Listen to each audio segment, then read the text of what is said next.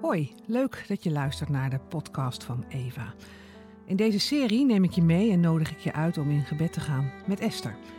In het leven van Esther zien we een opmerkelijke verandering. We ontmoeten een onbetekenend weesmeisje die uiteindelijk een krachtige koningin blijkt te zijn. Wat is haar geheim? Het innerlijke schoonheidsproces en de stemontwikkeling van Esther staat in deze serie centraal. Iedere dag begint met een bewust startmoment. Probeer je gedachten stop te zetten en je aandacht volledig op God te richten. Neem de tijd om Hem te begroeten, een gewoonte die in de psalmen uitgebreid wordt toegepast.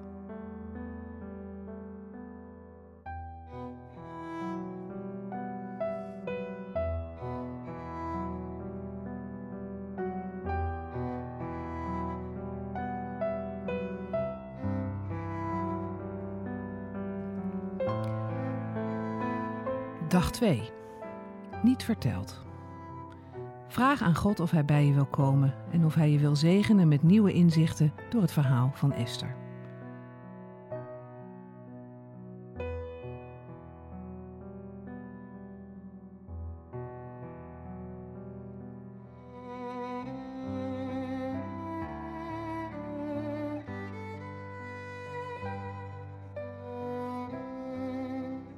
We lezen Esther 2, vers 10 tot en met vers 23.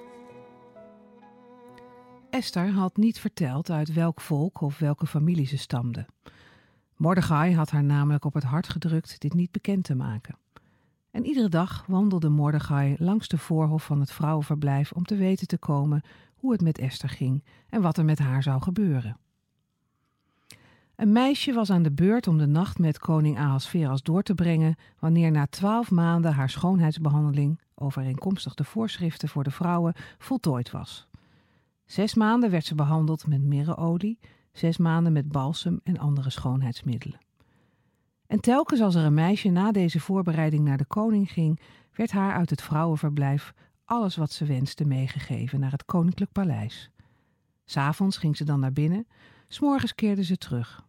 Ze kwam dan in een ander deel van het vrouwenverblijf dat onder toezicht stond van Saalsgas, de eunuch die de koning diende als bewaker van de bijvrouwen. Ze ging niet opnieuw naar de koning, tenzij hij haar begeerde en zij persoonlijk bij hem werd ontboden. Toen de beurt was aan Esther, de dochter van Abigail, die een oom was van haar pleegvader Mordechai, verlangde zij niets anders mee te nemen dan wat haar werd aangeraden door Hegai, de eunuch die de koning als haremwachter diende. En alle die Esther zagen, keken vol bewondering naar haar.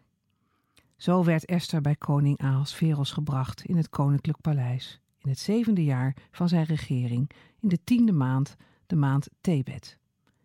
En de koning voelde voor Esther meer liefde dan voor alle andere vrouwen. Meer dan alle andere meisjes verwierf zij zijn bewondering en genegenheid. Daarom deed hij haar de koninklijke hoofdband om en maakte haar koningin in de plaats van Wasti. De koning richtte een groot feestmaal aan voor al zijn rijksgrote en hoge functionarissen. Het feestmaal van Esther. Ook kondigde hij voor alle provincies een rustdag af. En met een vrijgevigheid die men van een koning mag verwachten, deelde hij geschenken uit. Eens, toen er opnieuw jonge meisjes bij elkaar werden gebracht, deed Mordechai dienst in de koningspoort. Esther had nog steeds niet verteld uit welke familie of welk volk ze stamde, zoals Mordechai haar op het hart had gedrukt. Ze gehoorzaamde Mordechai zoals voorheen, toen hij als pleegvader voor haar zorgde.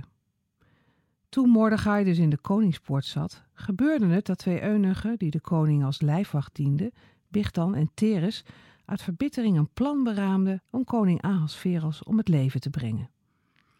Dit voornemen kwam Mordechai te oren en hij bracht koningin Esther ervan op de hoogte. En Esther vertelde namens Mordechai alles aan de koning. De zaak werd onderzocht en de beschuldiging bleek gegrond. De beide mannen werden aan een paal gehangen en in aanwezigheid van de koning werd dit alles opgetekend in de kronieken. Esther komt in het vrouwenhuis van de koning. Ze vertelt niemand waar ze vandaan komt en houdt haar identiteit volledig stil. Ze gehoorzaamt hierin Mordechai. Ken jij een moment waarin je eveneens als Esther gezwegen hebt over jouw achtergrond? Was dat uit schaamte of uit zelfbescherming? Zijn er verhalen die helemaal niemand van jou kent, maar die jou wel gevormd hebben? Ben je naar God open over deze verhalen? Wees vijf minuten stil en breng je gedachten bij God. Schrijf ze op of teken ze uit.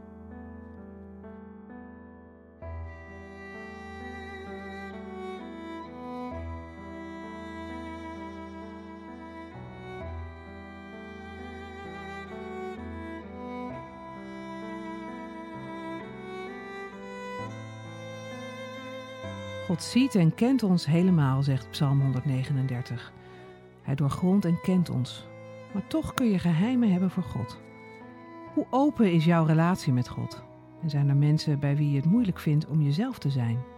Belemmert dit jouw identiteit? Is Psalm 139 en zijn kennen daarin voor jou een troost?